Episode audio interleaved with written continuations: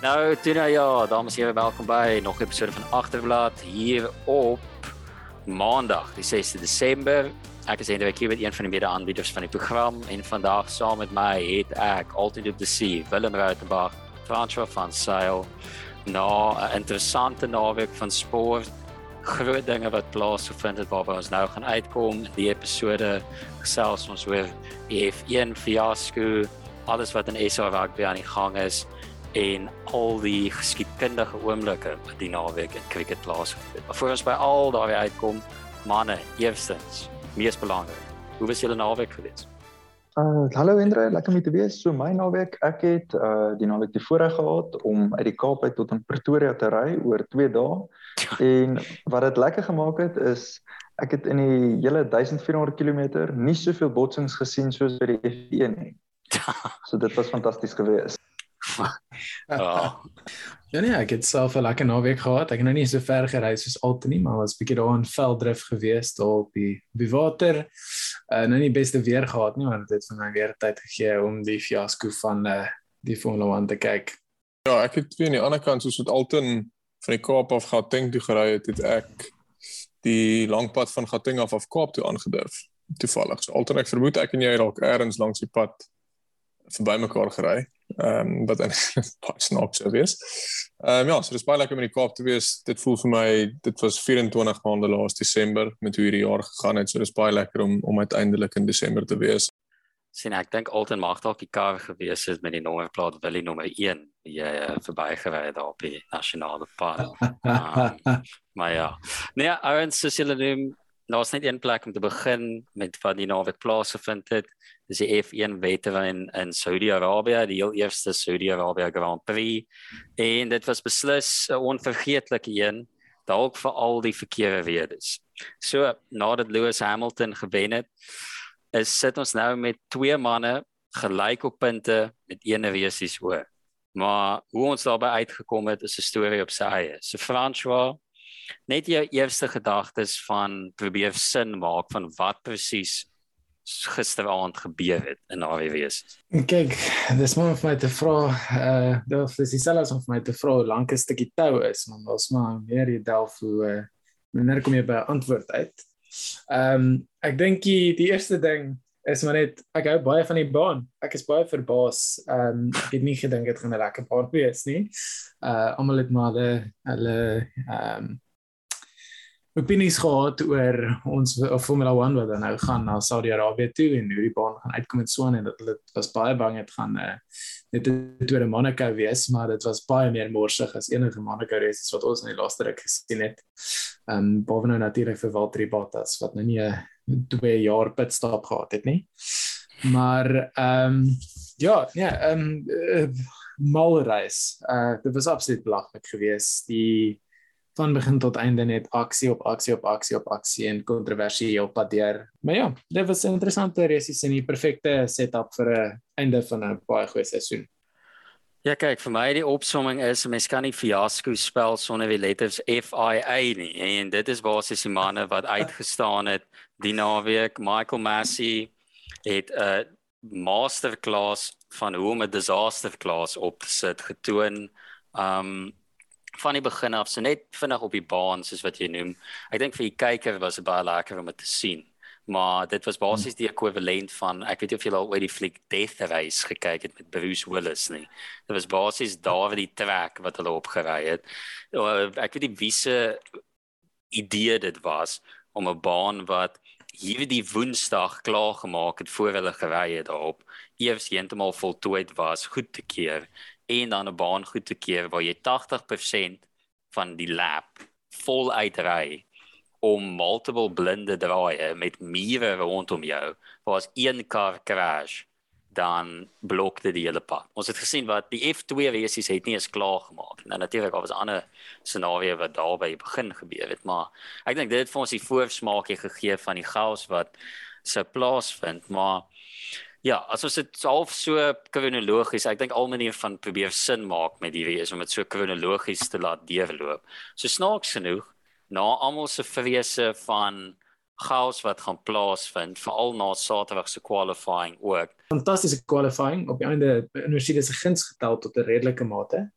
Wel kyk, so dit was die hele storie in 'n Sondag of die gearbox gaan vervang moet word. Almal verwys na die Clerk se Monaco insident gaan dit dalk Nee. self te wees. Hulle het toe die risiko geneem, die gearbox ingehou en snaaks genoeg geen probleme met die eerste wegtrek. nie. Almal mooi in 'n ry en toe natuurlik ek, ek weet nie mense kan nie eers dit skryf nie. Natuurlik is die man wat toe half als op sy, jy weet, kop draai is die seun van die man wat Lewis Hamilton probeer verbyneem in die rekordboeke, Mick Schumacher, toe by draai 21 en 22 swaai toe van die baan af. Um baie soos Leclerc in qualifying Saterdag, ag in practice Vrydag. Uh, ons het in die F2 gesien met Logan Sargent ook. So safety car kom toe uit. Uh die twee Mercedes se stop. toe. So net jou eerste reaksie toe hulle nie vir Verstappen stop nie. Jy gedink okay net vinnig, jy weet, jy gedink goeie strategie, slegte strategie, strategie, was dit die risiko werd? So jy in dieselfde posisie dit gedoen. Uh ja, voordat ek voordat ek daarby kom, ehm um, dis iets deel wat ons waarskynlik ook later oor gaan praat, maar ek dink eerstens dan is dadelik 'n rooi vlag uitgekom het ehm um, Yes. toe hulle gesien het dat daai kar so in die muur sit.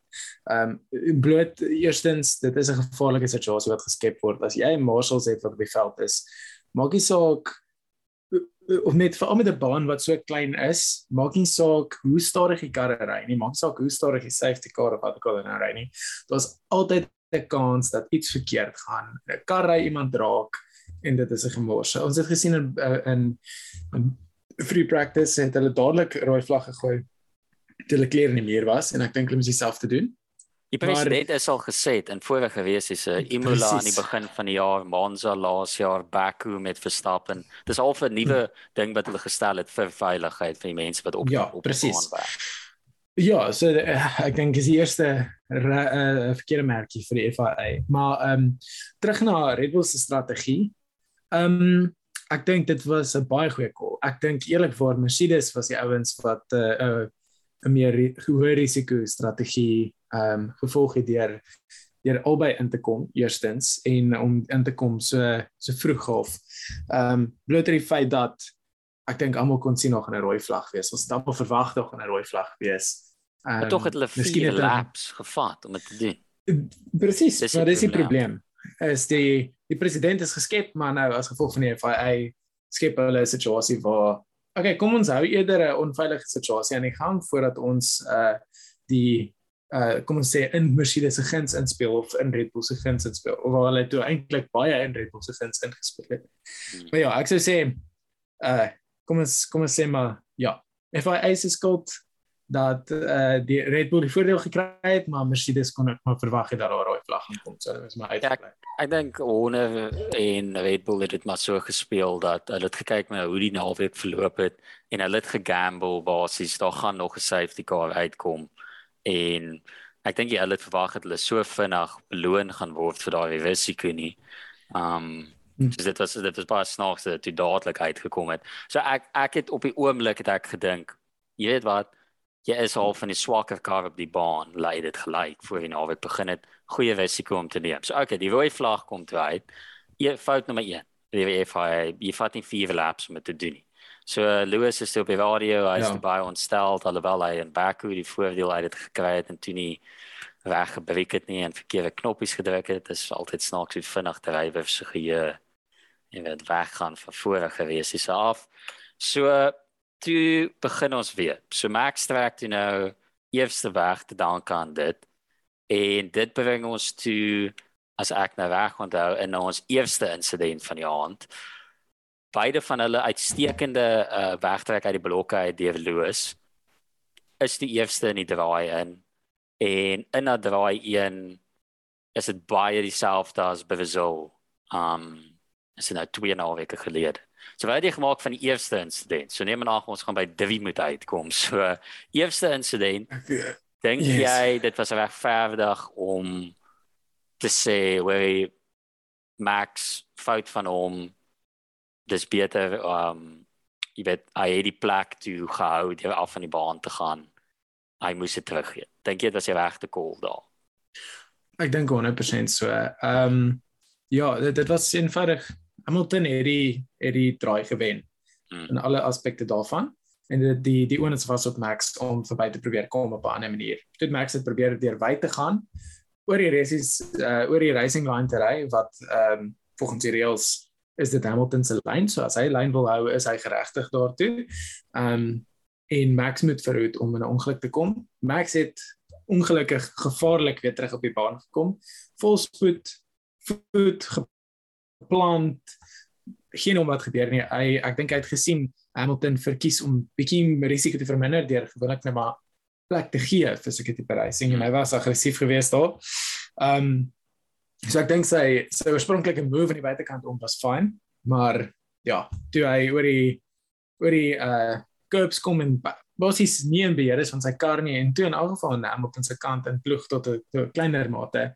Ek dink dit was hier totaal die regte call geweest. Jy kan nie volgens die reëls voordeel kry deur verby te vat nie. Ons het dit gesien in Bahrain aan die begin van die jaar toe hy ook gepenaliseer was daarvoor. Yes. Ek dink dit wys maar net dat hy nie um, ja, hy het verkeerd gedink daar. Ja, kyk, ek dink kyk ek dink mense moet al vir die die caveat gee of die konteks stel. Dit gaan harde racing wees. Jy ouens fight as twee wees is oor wie Ellenburg en uitkom, maar ek yes. sien 100% saam met jou op daai en Lewis inside line corner gewen hy's geregverdig om bietjie te stoot. Hy gee 'n kans. Ek dink bietjie push push pushy gewees met om af van die baan af te ruk, maar hy het reg gehad. Die corner was ja. klaar voltooi. Hy het af van die baan af yes. gegaan en toe voor sou dit Esteban Ocon wat half toe die die odd one out tussen die twee is. Hy pop hy toe nou in tweede en toe ja. iets wat die einde baie bespreek word nie. Die ongeluk wat toe gebeur het wat nog 'n rooi vlag veroorsaak. Checo Perez uit die race uit. So ek neem aan dit is die constructors finished. Ek neem aan Oh, yes. yes, ja. Ja. Dis Hulle is redelik ver. Mercedes is ek relatief ver voor. Ek dink iets soos 28 punte of so iets. Ja, so dit sê iets belaglik gebeur. So is baie hartseer vir hom. Hy het daar rond gestaan soos 'n ou wat wag vir sy Uber en al die kuier plekke toe gemaak het. Ehm um, so ons het toe nog 'n yes. rooi vlag. En toe nou incident 2 met die fiasco span. Wat het jy gemaak van F1 se episode van ehm um, F1 se episode van Deal or No Deal wat klaar gevind het tussen Michael Massey en Christian Horner. Of nie Christian Horner, ja, ek dink was Adrian Newey op die radio. Uh of uh, wat sê Jonathan Jonathan something die alles sporter. Ja, yes, yes, yes, yes, yes. Yes. Uh, ek weet nie dit uh, ek weet nie eintlik wat moet sê nie. Kom ek gee maar eerder eers jou opinie voordat ek nou wel lelik raak. So, Okay, so die ding is as jy as die bestuurder, die enforcer van die reëls oor die radio moet bargain met die span. Oor hier is die opsies wat jy het. Ek gaan jy 'n minuut gee om te besluit. Dis is so as ek weet nie 'n review in cricket waar die umpire sê, "Hoor jy ouens, ek dink jy weet wat ek sou die LBW dalk appeal. Ek gaan julle 'n minuut gee om gou weer te dink daaroor." Hoe op dis aarde is jy in beheer van die reëls toepas en jy doen soos vir radio. En weet jy wat die ergste? Wat hulle gedoen het tot 'n mate is reg. Dis die optics daarvan wat verkeerd was, want die reël is die president in die sport is as jy advantage van buite af kry, kom hulle op die radio, hulle sê hy, dit is onwettig, gee die plek toe. Nou, hulle kon nie mm -hmm. dit mhm. doen nie want die geel vlag duidelik het dadelik uitgekom net na dit as gevolg van die ongeluk, dis dit gerooi vlag. So hulle kon net gesê het Max moet skuif na derde en dis dit. In plaas van om opsies ja. en penalties te gee. Die probleem was Esteban Ocon was het half als opgewors, maar hy was tussen die twee maar dit die die, die ja. optics die optics daarvan was aardig kyk ja van begin tot einde was dit net yes, dit het sleg gelyk. Veral toe kom ons begin maar by die begin. Toe hy sê nee jy gaan dan in tweede plek begin nadat hy heeltemal vergeet ja. het daai blou kar van Esteban Ocon hulle het vergeet staan nou. Ja. ja. En uh met die beste is eintlik hoe hoe die Red Bull ouetjie so bly slinks is wat die man is ehm um, dit oplet en dadelik sê weet jy nee wag ek gaan gou net gesels met my mense en hoor. Ja. nou ek is seker hulle het aan die agterkant van hulle kop gedink miskien kan ons omvang op 'n op 'n tegniese punt hierso. En ag natuurlik dit hulle nou uitgefigure en so aan maar ja soos jy sê daar's geen daar's geen ruimte vir ehm um, kom ons sê vir onderhandeling in 'n in 'n situasie soos dit nie en jy as die reisdirekteur is jy's die een wat jy voet moet neersit terwyl almal klaar in jou ore en sê hier is die reëls Hier is wat gebeur het. Hier is wat ons gaan doen. As dit lyk asof jy in hierdie hoë druk situasie sit waar jy nou eintlik natuurlik 'n um, groot rol speel in hoe die uitkoms van die kampioenskap kan wees. Jy kan nie bekostig om dan te sê luister, kom ons kom ons maak 'n deal hierso. Kom ons speel gou-gou 'n deal nou deal. Kyk wat gebeur. Maak die tasie oop en hopelik kry julle nie 'n panel. Ek wou sê dit nie 'n vinnige 50 rand aangebied nood vir noodstaat. So jy vinnige 50 randjies. Wat kan jy vir ons sê? Wat is belaglik? Ja. Die die dit Nee, dit is sien nie vir die baie na daar dis skep. Ek ek weet uit is is ek ek dink soos beide van ons op dieselfde dood. Dit was nie 'n geval van ek weet almal op sosiale media maak dit nou as ja, die FIA is in die Red Bull se sakkie want hulle het vir hulle 'n deal hmm. aangebied. Die besluit, die resultaat was reg die die die manier ja. van nou uitkom was net verkeerd. Ek dink dis was al was ja. net ja, ja. dis nie die sportwerkie. Ek stem saam. Okay, so dit bring ons toe jy weet wat dis is 'n thesis amper aflees van 'n event. So dit bring ons toe na die tweede hmm. race daar, die derde start van die race. Max Davide ook aan eerste, Lewis tweede. Max hmm. down the inside. Wat maak ons van die move? Uit uitstekende move so ek sê. Dit was super. Uh, hy het dit gelees as 'n boek. Um hy het gesien Louis kan nie anderster as om Esteban Ocon wat hom een van die redes probeer heroic speel het en daarna maar probeer het om weer eerste plek te vat van uh, uh of te hou van van Hamilton af nie. So hy het gesien Louis cover dit. Hy het gesien hoe kom 'n gap en hy het gesien hy kan voor Ricardo inkom en eintlik maar sy eie um sy eie posisie ook daardeur um wat sy word dit ek soek net beskerm. Hmm. Ehm um, en ja, ek dink dit was 100% perfek geweest wat hy gedoen het. Die Lewis ook in situasie, ek dink is ook maar 'n racing incident. Dis maar wat gebeur as jy drie karre en 'n een kar per hmm. spasie in wil trek, is dis nou wat gaan gebeur. Ek dink Ocon was optimisties geweest om nog steeds in te draai op Lewis. Lewis het nêrens gehad om te gaan nie. Hy kan baie bly wees sy voorste vlerkie op een of ander manier nie. Daar nie heeltemal afgeruk. Dit sit hom uit te beweeg. Ja, nee, dit wys dit wys baie baie goeie ervaring mm. om uit 'n situasie situasies daai te kom basies geen skaar op jou kar te hê. Ehm um, dit het vir flashbacks na iets gegee nie dit is vir Singapore 2017 so net om 'n vinnige uh, agter die skerms ding te gee. Gewoonlik as ons 'n report kry opneem dan herinner vir ons vir my van Singapore 2017 as 'n Ferrari fan met snaaks genoeg Max Verstappen ook down the inside en daai race is in daai een. En dis dit ook 'n sandwich en toe natuurlik is al drie uit en Seb Vettel se drome is uh, weer eens gebreek maar dit was baie of van dit maar my hart was nog in die yes. my keel vir dit gewees. En die keer het hy dit reg gedoen ja. so ja nee dit was dit was 'n baie goeie uh oorbegin gewees en Max geen voet verkeerd daar gesit ja dit was dit was pitch of ja picture perfect gewees as ek dit sou kan stel. Ek sê nou dit ons nou ja nou So dit is dit redelik normaal vir ruk. Weer eens, die probleem is die die baan is understaffed. So hulle die hele tyd virtual safety cars uitgestuur wat die vreemdste ding is in die sport, want niemand weet presies hoe die reëls werk nie. En die gapings word of meer of minder elke keer as dit klaar maak. So heeltyd debris gewees op die baan. Jy is veronderstel om vir jou te sê by die kar, die kar is stukken. Die FIA met dit uitstuur weer eens. Hulle dalk net gesit en gaap toe dit gebeur het. So ek dink soos vier virtual safety cars in 'n ry. Uh Kimi Raikkonen wat vir Max toe half blok en en die hele ding wat weird was, want hulle kan nie 'n blue flag by nie want dis 'n yellow flag onder VSC. So nou blok hy al vir Max. Lewis kan binne die gaping bly van 40% uh onder die spoed uh average han. En dit is al ja. Ja, en toe WC eindig gap van 1.3 na 0.7. Nou, toe is dit nou nog vir Max en sy ondersteuners Lewis kom down the straight en toe sit weer dit. So wat maak jy toe van daai incident?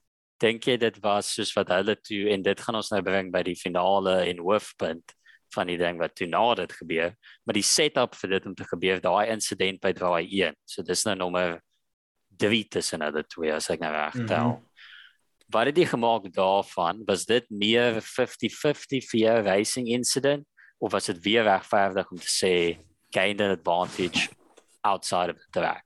Dis 'n baie goeie vraag wat jy daar vra. Ehm um, ek dink weet jy met die, met die vlak voor die resies daar was, dink ek nie jy kan ehm um, jy kan dit uh, enigstens anders sien as maar net 'n racing incident nie. Dit sê wanneer dit is regtig nou twee drywers wat so hard as moontlik veg om posisie te kry. Dit was nie so gevaarlik soos die eerste ehm um, omstandighede gewees nie. Daar was genoeg spasie vir albei om iets te probeer en dit het net nie so uitgedraai nie. Ehm um, maar ja, ek ek dink dit was 'n probleem daar gewees. Ek dink dit was regtig 'n 50-50 gewees daar. Ja, kyk, so ek moet sê dit my verbaas dat uh Lewis se aanhangers uh nogal ook dit is 'n 50 minute as Damon Hill sê dis 'n racing incident. Um ja, met jy weet dit, dit was werklik so. Soos wat hy voel Max. Dit dit was vir my vreemd. Daar sal ek call alle altoe was gelyk in na die draai, albei die corner gemis, albei is afgestoot. Dan is albei ja. regverdig om op die baan op te kom, hoe ook al die vinnigste is. So dit dit het nie vir my ja, sin ja, dat dit die een is wat getoe penaliseer word. Al my gevoel, hulle het gevoel um um jy weet hulle het gevoel hulle wil nou 'n penalty so as ons nie nou een doen nie. Jy weet iemand hulle moet net gou onthou ons werk nog hier. Ja. Um, so, ja, nee, ek stem saam. Ja, so ek dink dit was al wat daar gebeur het. So dit bring ons toe nou na 'n Red Bull kom toe op die radio en ek kan nou nog nie uitmaak of dit hulle is of die FIA wat gesê het gee die plek terug. Nou hoekom jy dit sou doen as dit 'n Red Bull is nadat dit nog nie is investigate as jy weet ek. Hulle doen dit op 'n deel hulle sê doen dit op 'n strategic 'n strategic uh wyse. Die FIA dink ek moes dit vir hulle gesê het om dit te doen dat hulle gaan 'n penalty kry as hy dit teruggee. Mhm. Mm dus sover ek verstaan, somehow ek ek weet nie in watter jaar ons lewe nie want hulle verskoning is hulle kan nie met twee mense op dieselfde tyd praat nie. Dit is amper asof hulle 'n hele staf het wat daar werk en dit kan sê. Het hulle nie vir die kar agter die ou gesê wat wat die plek met opgee. Hoor jy die ou voor jou gaan breek en die plek opgee nie. En toe is dit nou. Ja. So net jou mening van of probeer sin maak van wat gebeur het. Is dit soos wat die internet dit probeer uitmaak? jy weet max het om gebruik test hy met geskort word dan as hy skuldig bevind word vir iemand bereik test is dit maximum penalty soos Alonso sê so, ja of is dit aan max se kant van hy het spasie gehad hy wou net nie verbyvat nie as gevolg van die DRS of is dit iewers in die middel? Wat maak jy van die incident Kyk, eerste van alles met daai insident, ehm um, ek ken my leë blikkie bier het presies soos Toto Wolff en sy Bose headphones gelyk op daai stadium toe Lewis Hamilton so agter in 'n uh, Max Verstappen vasgery het en ek het hom ook redelik aggressief die grond inge uh kom ons sê uh werp uh is dit 'n goeie woord kan wees. Ek dink 'n lion um, is is makliker om te vervang as die Bose headphones. dit is 'n goeie punt. Maar ehm um, hmm. ja, nee, kyk, ehm um, ek het nog baie gaan lees daaroor en gaan kyk nou wat die mense sê en ek het geluister na wat Mercedes ook nou hulle argument was want hulle was redelik stel op die radio volgens wat die die uitsending gewys het. Maar ehm um, op daai stadium het hulle dit verloor. Ek kon hoor hulle is regtig ongelukkig oor wat aan die gang is.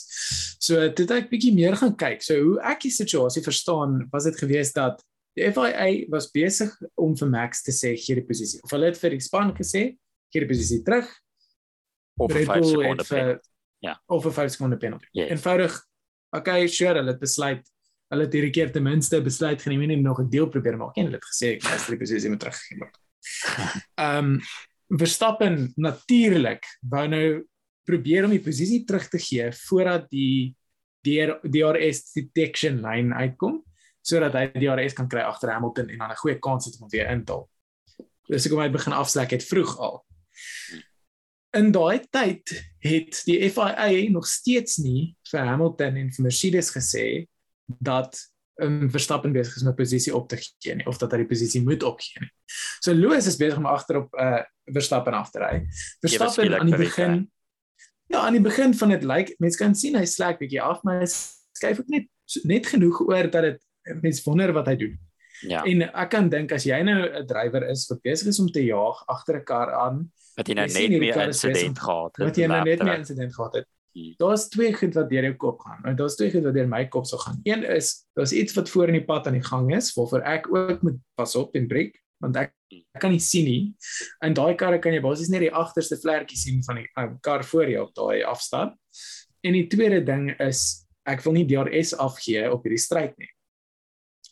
So dit is 'n uh, dis 'n goeie mengsel en natuurlik hy weet nie of hy kan verbyvat of nie. Hy weet nie wat aangaan nie. Dis 'n gevaarlike situasie want jy moet eers dan nou probeer hierdie kar uh, verbyvat, maar hy ry op 'n manier wat onvoorspelbaar is omdat jy nie weet wat aangaan. Nou, toe het Verstappen in my opinie 'n rookie error gemaak. Hy het 'n fout gemaak wat sy frustrasie gewys het en ek het aanvanklik gedink ek dis 'n oordrywing dat hy gebreek het daar totdat hulle met die data uitgekom het wat gesê het ons 69 bar breekkrag of 2.4 G se breekkrag op sy breek gesit. Dit is Verstappen wat Hamilton agter hom sê tot hier toe en nie verder nie. Jy kom nou verby. Nou dit staan baie mooi en duidelik in die reëls geskryf. As jy pad moet gee vir iemand, mag jy nie skielik breek nie. Dit is dieselfde as om ehm um, die eerste reël wat jou ouers jou leer as iemand jou verbyvat en jy ry in die geel lyn is jy slek nie af as iemand jou verbyvat nie. Hou jou spoed, slek dalk bietjie af, jy breek nie want dan weet daai ou nie wat jy gaan doen nie of hy ry aan die agterkant van jou vas. Presies wat gebeur het daar was nie meer gaping vir 'n loos om verby te dek nie. Hy is naby op pad om vir hierdie ou verby te vat. Ongelukkig stuk van sy voorste vlekkie verloor, maar ek dink tot op daai punt was dit die FIA se skuld, maar Max het op die einde maar nie sneller getrek op iets wat toe nou maar vir hom wel, eh, uh, bietjie water op die een se rug, maar nog 'n 10 sekonde penalty gekos het. Ehm um, Okay, so ja. So, snaaks nog. Ek sien dit bietjie anders. So, okay wat ek dink is ek is saam met jou tot op die punt dat so as dit is dat die FIA vir hulle gesê het om die posisie terug te gee wat dit moet wees aangesien hy 5 sekonde penalty toe gekry het want as Red Bull dit gedoen het maak dit vir my sin nie want dit was 'n 50 50 insident hmm. dan die, die dit is nog altyd so in F1 jy sê vir die ou agter die ou wat die posisie gaan teruggee eerste die moenie worry nie, die brother voor jou gaan die plek vir jou teruggee. Want jy is afhanklik van die ou voor jou om pad te gee. So dit ja. maak mos nou logies sin om eers vir daai ou te sê. So hulle het vir Max gesê gee die posisie terug. Toe kom die gamesmanship in van okay, wanneer gaan ek dit doen? Wanneer kan ek dit doen? Ek dink dis verkeerd want Lewis is in Spa in 2008 'n 25 sekonde penalty gegee vir iets soortgelyk met Kimi Raikkonen toe nog waar hy ook hmm. op 'n weird plek te teruggegee het net om dit weer terug te vat. Anyways, so hy skuif toe na die kant. Ek gaan eerlik wees, hy kon meer na die kant geskuif het, maar hy ja. skuif toe genoeg na die kant. Die aerial footage van bo wys daar's 'n kar meer as 'n kar beweeg te links. Yes. Nou, ek stem saam as ek Louis was nou ek net 3 keer amper vir ongeluk ag ongeluk in 'n ongeluk was met die ou nou my vir ongeluk nie. Uh met ongeluk was met die ou so ek ook bietjie huiwerig wees van wat presies is die man besig om te doen? Wil hy my in 'n meer indruk? Wat wat, wat gaan ja hoe die FIA nie besit hulle net een telefoon, een signal, is dit soos daai ou plaasdorpe waar tannie die goed so indruk om soos half by almal uit te kry, ek weet nie. Hulle het hulle het miljoene dollars van Saudi-Arabië afgekry. Iemand koop nog 'n telefoon of iets of tweet hulle net, e-posse. So dit is uiters belaglik. Michael Massey verdien om hy verdien om beboet te word vir hoe hy dit hanteer het, maar hy is aan die einde van die dag in beheer van die feit dat hy nie vir Mercedes gesê het hulle gaan die plek teruggee nie, het die hele ding veroorsaak. So hulle is na my ja. mening 100% 99% te blame vir dit. Nou, yes. toe skuif Max uit die pad uit, Lewis besluit toe, okay, cool, wat doen hy? Ek dink Lewis het toe besef, okay, hy gaan die plek vir my teruggee, maar ek wil nie DRS op my hê nie, so ek gaan ook nou afslaak. En ek dink die ja. blame kom dan op Lewis ook dat Max gee die plek terug Loos moet dit dan vat. As die ou afslaak om vir jou die plek te gee, jy kan nie besluit wanneer jy wil verbyvat. Dit is weer aan die ander ou se hande om te besluit wanneer jy verbyvat. Hy besluit toe, okay, cool, ek gaan dit nie doen nie.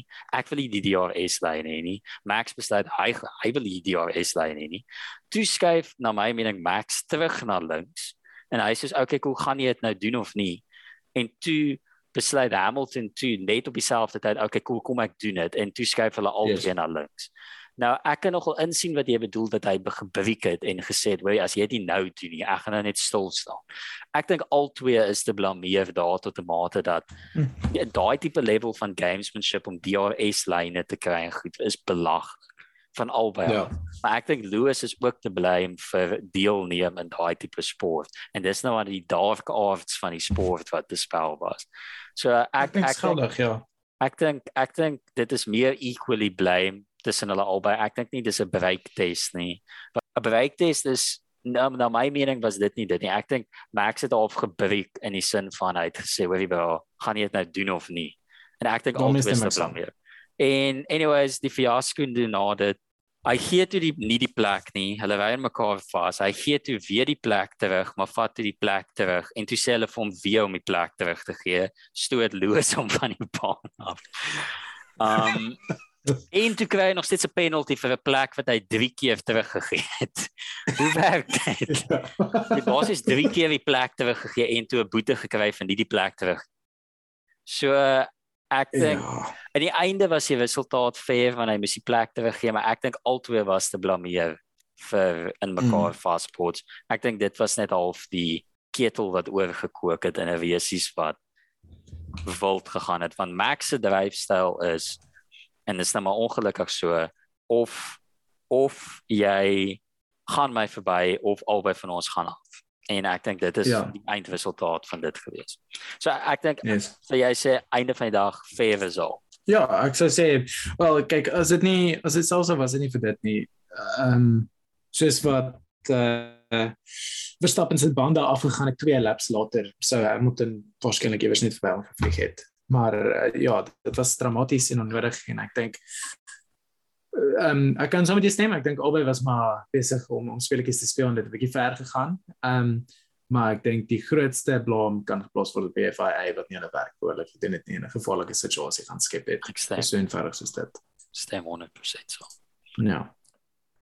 Uh dit was my nou baie lekker om na julle ouens te luister. Uh soos ons getroue luisteraars weet, Ehm um, kyk ek Formule 1 slegs die afgelope 4 weke of so en en ek moes hierdie een ehm um, op mute in 'n gastehuis in Kimberley kyk en sonder kommentators weet ek eintlik niks nie. Ehm um, maar toe sien ek die resies het in Jeddah plaasgevind en toe dink ek uh, die enigste manier om dit op te som is dan met 'n Star Wars quote. en ek het hier 'n paar gekyk hierso van Emperor Palpatine wat soort van in die call is your feeble skills are no match for the power of the dark side. Um everything that has transpired has done so according to my design.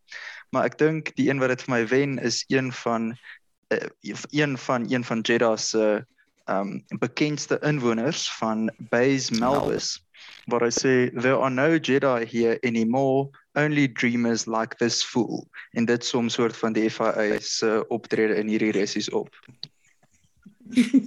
Ja, wat ek ek weet nie hoekom analiseer ons hier resies as ons net daai kan gebruik. Altens analise van die F1 resies is reg uh, top klas. Ek dink dit is nog 'n goeie manier om dit op te som. Wees op die uitkyk vir agterblad se uh, preview van die laaste versies vir die week jy waarskynlik gaan uitkom op agterblad ekstra ekstra met my en François. Daar was daar net F1 die naweek nie. Ons het ook gelukkig weer plaaslike rugby gesien. Haai het in die bulle uitgedraf het. Hulle het hulle 30-16 geklop. 'n Wedstryd met al die Sharks Springbokke wat weer teruggekom het.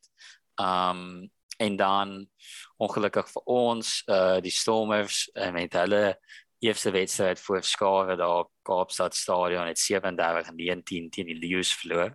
So uh, ek weet weet wat hulle maandag gemaak het van die games en ehm um, as julle nou vinnig kyk as die kompetisie nou voortgaan soos ons hoop dit gaan wie dink julle gaan die span wees wat kwalifiseer vir die Europese kompetisie of die beste Suid-Afrikaanse span en ek weet daar was klomp ander goed wat ook die week in die nuus gebeur het rakend SA rugby. So wat julle manne daarvan gemaak? Ja kyk ek dink daar was eintlik nou die twee Suid-Afrikaanse wedstryde waar ons regtig kan praat en dit is of twee wat regtig impromptu gereël was want ons Suid-Afrikaanse spanne moes almal teen teen die toerende spanne gespeel het.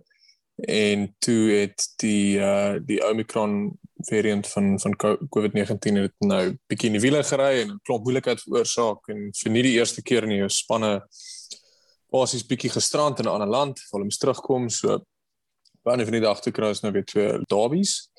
Ehm um, die Stormers en Lions, ek was nie veel om oor te sê nie, die Stormers het net baie sleg rugby gespeel. Ek dink John Dobson het gesê hy het nog nooit gesien dat 'n span so in die tweede helfte net so duidelik nie uitvoer wat hulle moes doen nie.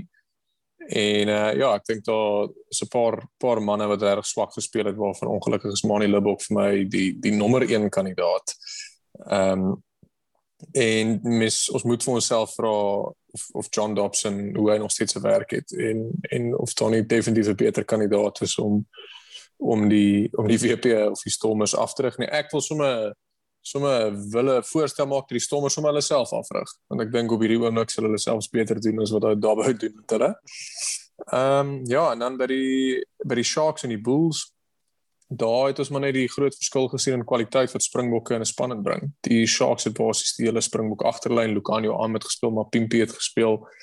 Uh Boeta Chamberlain het 'n goeie wedstryd gehad. Uh iets soos Ruan Pinare oud Springbok wat glo dit of toe nie meer as 80 toetse vir die Bokke gespeel het. Unbelievable. Wat gebeur is so baie nie. Ja. Die Wayne Parnell van rugby. Ja.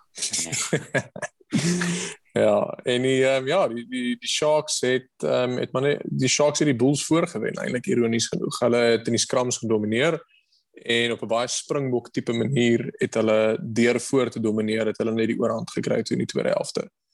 En ek dink iemand soos Lucanio aan met ons gewys wat so tipe kwaliteit in hom steek wat se ironies genoeg sien hy homself eintlik as 'n nommer 12. Hy sien nie homself as 'n as 'n buitesenter nie en sy sy vlak van intelligensie het regtig teergekom in 'n paar maniere een hoe hy die bal geïntersept het en hy het ook bietjie voor dit het hy het hy so chippy deurgesit wat baie amper gelei het tot 'n 3 as te doen kos en die bal kon vashou. So uh, ja, ek vermoed ons sal bietjie daar gesels, maar ek dink Jack White het dis nou maar seker die ding wat nuus gemaak het. Jack White het uitgekom en gesê daar moet gekyk word na na hoe al ons springbokke net jy weet oor see gaan speel. En dieselfde het nou gebeur met Nyakane en En uh, dit dit is 'n interessante gesprek wat Jake self gesê het hy het nie noodwendig die antwoord nie, maar dit is definitief 'n gesprek wat ons moet hê. So ek weet nie wat julle manne dalk rondom rondom dit dink nie. So net op net op John Dobson, ek weet hy het gesê die tweede helfte was hom verskriklik frustrerend en dit was van die swakste rugby wat hy al gesien het, maar dis hoe ek elke week oor hom voel. Kyk John John Dobson het hulle kinderboek geskryf en ek dink dis regtig iets wat hy beter in is as rugby afrig. En dan wil hy met voorgestel dat die WP hulle self moet afrig. Maar daar's 'n man wat vir burgemeester gestaan het in die Parel wat net daar naby is, ou Pieter de Villiers. Kan vir hom inkry. Daar's nou ou. Hy's ten minste lekker vibes. Hy hoef iets te weet van rugby nie. Dobson weet anyway ook nie. So ons kan net sowel vir hom kry, dan loop die ding lekker daar. Net vlug vlugtig op daai ook op internasionale nuus. Net iets wat ook die week uitgekom het. Die reël rakend ehm um, soos verskywing van internasionale spanne, die 3 jaar gaping wat nou ingestel is. Dink julle is iets wat ons oor moet worry? Dis 'n dis 'n baie moeilike situasie want aan die een kant het ons het al 'n ervaring met beide kante van die spektrum in Suid-Afrikaanse rugby. Ons het toe Tuti vir Alistair Coetzee ons afrigter was, het ons die reël gehad dat jy moet meer as ek dink amper 50 wedstryde op 'n kol of 30 wedstryde of iets van die aard uh dit was 'n substansiële hoeveelheid. So net die basies ervare manne wat wat al gereeld vir die bokke gespeel het kon oor see gespeel gaan speel en nog steeds gekies word vir die bokke. Nou wat ons toe gesien gebeur het is ouens soos Faf de Klerk het gegaan met te min toetse en die resultaat daarvan was dat die flippende Gauteng se trots Ros Kronje wat 46 stappies moes neem voor hy genoeg spoed bymekaar gekry het om die bal tot by die loskakel te kry. hy was die springbok nommer 9. Uh, Ja, kyk ons het 'n lang lys van hoë kwaliteit neges wat al oor die jare gespeel het en hoe Raskron nee, ek is baie jammer ek het niks teen die man nie. Ek, ek seker hy's 'n baie vriendelike mens. Maar hoe hy in 'n lys van ouens soos Joost van der Westhuizen en Bolla Konradi vir al wat ek omgee en Floride Pre en Faf de Klerk en hoe al hierdie manne, hoe Raskron nee saam met daai manne in 'n lys is weet nigter alleen. So ons het die negatiewe kant gesien aan die een kant en toe Rassie basies ingekom, daai hele reël gebreek en toe net enigiemand gekies en die resultaat daarvan was dat ons die wêreldbeker wen. So ons het so van die een kant van die spektrum het ons soos die absolute slegste era van Springbok rugby nog ooit gesien en toe ons die reël wegvat, toe sien ons die beste era van Springbok rugby teen teen in 'n baie lang tyd. So dit is 'n baie moeilike ding om so logies oor te dink en ek dink die antwoord lê semi in die middel.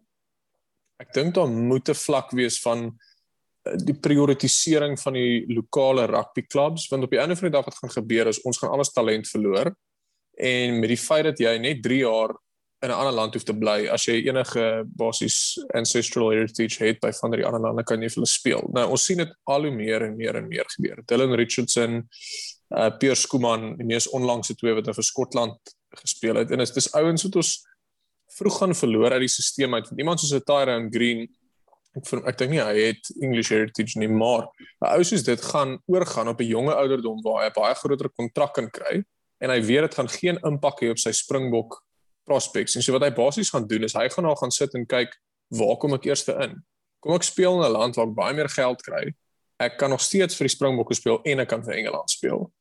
En wat dit basies gaan doen is al ons jong spelers gaan net al hoe meer uitgaan en dit gaan 'n tipe van 'n jy weet 'n rolmaal beweging veroorsaak amper wat momentum kry. So meer kwaliteit ons verloor, hoe meer kwaliteit gaan ons verloor want hoe minder gaan 'n ou wat deur die weet jy weet deur die skoolstelsel kom vir die S121 speel gaan hy hy gaan nie by die WP wil speel nie want uh, jy weet ons gaan 'n klomp ouens hê wat soos vierde keuse was, maar die top 3 ons is almal oor see. Mens moet die lokale franchises sterker in Suid-Afrika om rugby sterk te hou. En die enigste manier hoe ek glo dit moontlik is is is privaat geld, soos wat hulle nou doen by die Sharks en by die Bulle. Ek verskil bietjie van van Willem hierso. Ehm um, eerstens met sy gesprek oor skrimskakels, Springbok skrimskakels. Ek verstaan hy's nie 'n groot fan van ehm um, meneer Ross Cronje nie, maar ek dink om hom met Bolla Konradi te vergelyk is heeltemal onvanpas. Ek dink nie mens kan vir Rudy Pre in dieselfde liga as Bolla Konradi sit. Is dit nie top 5 Springbok van alle tye volgens Alton Duplessis Bolla Konradi? Dit is een van die top 5 sportmense van alle tye. ja, kyk, is um, net Enrique January wat eintlik vergelyk kan word met uh, Bolla Konradi vir daai chip and chase wat hy deurgesit het in Nieu-Seeland wat vir ons die game gewen het. En sy klap teen die Hurricanes. Dit was 'n groot hoogtepunt. Ja natuurlik, natuurlik. Ehm um, maar maar dan ek dink nie ons hoef in Suid-Afrika regtig so bang te wees vir daai 3 jaar reël nie. Ehm um, as ons kyk na ons het al baie ouens gehad wat vir ander lande gespeel het. Maar hoeveel van daai ouens sou regtig Springbok gespeel het? Wat het ons regtig verloor? Ek weet hulle kon nou plaaslike rugby gespeel het, miskien die dit bietjie op bietjie hoër standaard gemaak het. Maar wie regtig CJ Stander is soort van die een ou wat ek aan kan dink wat ek dink reg bydra. Doen ek sê hoe gaan Doan van der Merwe in die span kom? Wie gaan hy uitspeel? Is hy beter as Mapimpi nie? Is hy beter as Nkosi nie? Is hy beter as Colby nie? Uh, hy is definitief beter as Nkosi om eerlik te wees. Nee, ek dink nie so nie. Ek dink hy sukkel in die hy's nie so great in die lug nie. Hy het niks gedoen die Lions toer nie. Hy het een keer goed gehardloop die Skotland teen ons gespeel het. Die res van die game het hy niks gedoen. Hy kon net wel op die bench gesit het. Ehm um, so ek ek ek, ek dink nie ons het al soveel verloor soos wat mense dink nie. En ek, ek dink dis belangrik om die plaaslike liga sterk te hou, maar ek dink ons het genoeg spelers om dit altyd op 'n redelike hoë vlak te hou. Ehm um, en en ek dink om vir ons ouens daai blootstelling te gee in die buiteland. Ek dink nie dis sleg nie. Uh ek dink regtig dit is iets positief. My enigste probleem wat ek het is geld trek geld. En as jy 'n baie lae kwaliteit produk in Suid-Afrika verkoop, gaan minder mense die produk actually wil koop en hoe minder mense die produk koop, hoe minder geld genereer die produk en op die einde van die dag filter die ekonomiese effek daarvan af regdeur van SA rugby deur tot aan die onderkant uh vir skole rugby en grassroots development en soos ons al gesien het is is rugby 'n ongelooflike medium om transformasie ook te bewerkstellig in die land maar om dit te doen het jy geld nodig en jy het geld ons het hierdie presies dieselfde gesprek oor cricket gehad. Dink dit was jou punt en ek het gesê het ook dat ehm um, jy weet jy kort daai kwaliteit bo om die geld te kry om basies die ontwikkeling onder te kan doen. En tot 'n mate verstaan ek dit ons kan sê ja, die Springbokke doen goed, maar jy moet ook as 'n jong mannetjie moet jy streef om vir die WP te gaan speel. Maar as die WP speel soos wat hulle nou onder Dobson speel, okay, dis nou meer as net die reëls se skuld. Ek dink dis uit Dobbo se skuld. Jy het daai tipe kwaliteit nodig en dit filtreer deur na die skole toe, na die amateurligas toe, na die klubs toe. En ek dink jy het 'n gesonde lokale struktuur nodig om dit te kan bewerkstellig. En dit is ook hoe ons onsself gaan in Euro Europese rugby inkry. Ons gaan nou goeie goeie produkte. Ja, ons is nou in die URC, maar op die oomblik is ons spanne 10de, 12de, 14de en 15de uit 16. So, jy weet, ja, ons pas nog aan. Maar as ons kwaliteit so laag is, is dit maar 'n kwessie van tyd tot hulle op vir ons gaan pos. Maar ek dink is iets wat ons net uh, ons moet ons vinger op die pols hou. Ja, ek ek verstaan die idee van geld trek geld, maar ek verskil op 'n bietjie daaroor want ek dink nie Well, eerstens ek dink nie besonder baie oorseese mense kyk ons plaaslike rugby nie. Natuurlik sal hulle die URC kyk want hulle spanne speel op daai een. Maar ek dink me, dis meestal plaaslike mense wat ons rugby kyk en my vraag dan is hoeveel plaaslike mense sal ons teoreties verloor as die kwaliteit bietjie val want ek dink mense in Suid-Afrika kyk rugby oor lojaliteit of jy kyk rugby want jy's ek laakie WP my ouers vir die WP geskree dis al vir die hele dis meer dit wat mense trek na rugby toe in Suid-Afrika meer as net die kwaliteit ek bedoel ek het vir die WP gekyk toe Nakalewoekie vir hulle vleuel gespeel het en toe Hilton Labert slot gespeel het en ek het net soveel gekyk soos wat ek vir die Springbokke kyk as hulle al hulle games wen Maar dis um, nou ehm, Pieter Grant 10 gespeel het, jy moet dit onthou. Oh, hallo, hallo. Dis dis loyaliteit daai. Yes. Um, okay. En, en, en, ek dink iets iets wat dit illustreer is die feit dat party skole rugby wedstryde meer kykers as party karika wedstryde in Suid-Afrika het. As jy kyk hoeveel mense dit op die TV kyk. En dit is okay, dis een loyaliteit en twee omdat mense nuuskierig is om te sien wie nuwe talent is.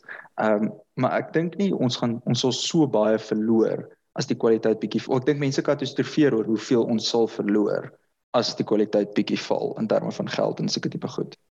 Ek dink is iets wat ons gaan kyk in hy toekoms in. Al wat ek weet is as Tyrone Green vir Engeland speel as gevolg van hy wat nie plek op fullback nie. As gevolg van uh ja, ons sal nou nie in daai gaan nie, maar jy weet wie dan uh, dan weet ek gelukkig gaan die agterblad span nie vir enige oorsese span gaan speel nie want die vlak van kompetisie is wêreldklas op die tellbord vir die paneellede van die span 30 sekondes het my vrae te antwoord dat ek kan lewer waarna ek dan punte sal toeken vir die beste antwoord. Nou ja. Eerstens ons het nou land en sand gepraat oor wat die naweek gebeur het by die F1 en dat dit nou gelyk is op punte en dan ek en Frans wel later die week gaan gesels rakend um wie ons dink die kampioenskap gaan wen in die laaste naweek. Maar ek sê graag by ander twee um F1 kenners wel nie kenners van F1 hoor wie hulle voorspelling is voordat ek en Frans was eerskomende Vrydag ons voorspelling gee. Wie dink julle twee Willem Alton, uh wie dink julle gaan die persoon wees vir beste van die kampioenskap? Ek de, de, ek het al baie hieroor gedink in die hele seisoen so of eintlik opgebou tot na die punt toe waar ek eintlik gehoop het hulle gelyk is. En die een ding wat ek nie verby kan kom nie is die feit dat ek dink Max is 'n baie swak verloorder. En ek sê dit nie noodwendig in 'n slegte sin nie. Ek dink hy's 'n hoogs kompeterende jy weet dreier en hy's baie goed, maar hy vat baie risiko. En ek dink tot op hierdie punt het ons nog 'n Max gesien wat geweet het hy kan dit nog opmaak in die volgende week. Maar hierdie keer vir die eerste keer die seisoen is ons op 'n punt waar Max weet dis nou of nooit. En ek wonder of hy die verantwoordelike ding gaan doen in 'n nou of nooit situasie as 'n Mercedes verby hom kom of as hy verby 'n Mercedes moet probeer gaan. So ek vermoed dat hulle in mekaar gaan vasry en ek dink Max gaan dit dalk vat. Okay. Omdat hy die meer wen het as hy nie een of ander absurde penalty kry. Ek weet nie presies hoe die penalties werk. Of jy ja. punte deduct kan word nie. Maar Ja, jy kan gediskwalifiseer word. Michael is in 97 gediskwalifiseer. Nou hy het Jacques Villeneuve van die baan afgery. So hulle het net al sy punte afgetrek. So dit dit is 'n moontlike. So maar okay, so jy gaan vir 'n Senna Prost version 2 Hy maar net nie breek in na draai 1 nie. Okay, interessante keuse. Alten het jy dalk daar in die kristalbal ingekyk vir ons eh, voorspellingkie vir Sondag? So anders as Willem het ek nog nie baie hieroor gedink nie, maar ek kan 'n storie vertel. Ek het hierdie week was my handratmotor gediens en ek moes toe met my ma se outomatiese motor rondry. En ek het toe ek probeer parkeer toe wil ek die koppelaar intrap en nou is natuurlik een is so toe trap ek die rem met my linkervoet en ek gee myself toe 'n vieslike whiplash. En ek dink dis presies wat met Max Verstappen gebeur het in die vorige races. En om daai rede en die onervaring wat dit wys dink ek Loos gaan dit vat die nou Okay so ja yeah, okay wel kyk ek ek wonder Ek neem aan uh F1 drywer sukkel ook maar met parkering. Dit kan maar my beste van ons gebeur. Af en toe trap 'n man maar per ongeluk die breek. Plaas hy net daai is 'n verskoning gewerk. Hy kan jy eintlik ingebel het na die hearing. Maar nou ja. Uh goeie goeie uh voorspellings van beide van julle af. Natuurlik ek en Frans was al ons finale gedagtes en voorspellings gee in die agterblad ekstra ekstra episode wat oor alles oor die laaste naweek van die seisoen gaan gesels later vir die week. Ook wat die week op die spyskaart is vir sport. Die Ashes tussen Australië en Engeland skop af. So ook voorspelling van julle af. Wie dink julle gaan dit vat daar onder in Australië? Alton. So op 'n meer ernstige noot by 'n belangriker sport, ehm um, dink ek okay, dat Wel verloor ek klaar. Ehm um, dink ek, dit kan nie regtig 'n uh, argument maak dat Engeland dit gaan wen nie. Engeland het eenvoudig nie die bal lank val nie. Die vorige Ashes reeks in Australië het hulle omtrent een keer 20 paaltjies in 'n toets gevat nie. Ehm um, hulle het ook dink ek net een kolwer in Joe Root wat meer as 30 average in Australië. So ek voorspel swaarigheid vir hulle al het Australië 'n swak keeper in Timpy en met 'n swakker keeper in Alex Carey vervang, dink ek dat Australië dit nog steeds gemaklik gaan vat. So ek gaan nou ehm um, 'n klassieke leierskapswyse al bietjie korrup vir myself ook hier in plaas en na die speletjie.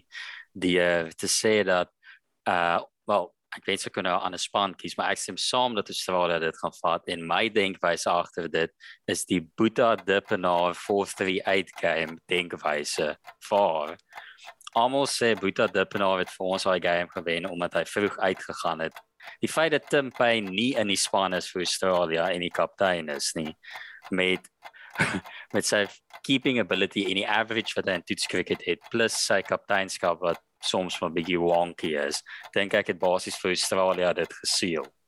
Um so ja, ek dink ek gaan ook Australië gaan daar. So ek is geneig met al die voor die fede is bietjie meer wonky. Ja, wel, ek dink ja, ek gaan binnekort die sosiale media manager word. Dalk kan Jessie Kriel vir 'n paar lesse gee hoe om sosiale media te bestuur. Um nou goed. Manne, dit bring ons dan nou ook Alton, uh jy was die week op die uitkyk vir manne wat presteer het in die sportweek wat verbygegaan het.